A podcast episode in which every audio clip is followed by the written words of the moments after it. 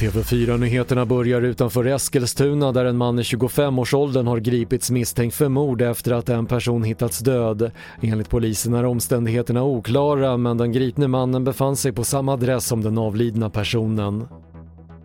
Gårdagens och nattens åskoväder och skyfall ledde till översvämningar och strömavbrott på flera håll i landet med regnmängder på mellan 40 och 50 millimeter.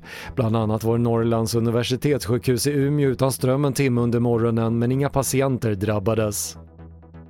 Och Israel erbjuder nu en tredje dos av Pfizers coronavaccin till vuxna med försvagat immunsystem. Det uppger landets hälsominister som säger att man fortfarande överväger om hela befolkningen ska erbjudas en tredje spruta.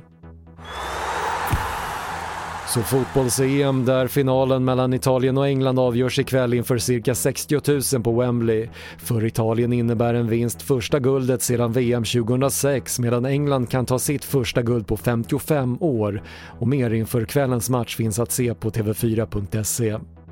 Det var det senaste från TV4 Nyheterna. Jag heter Patrik Lindström.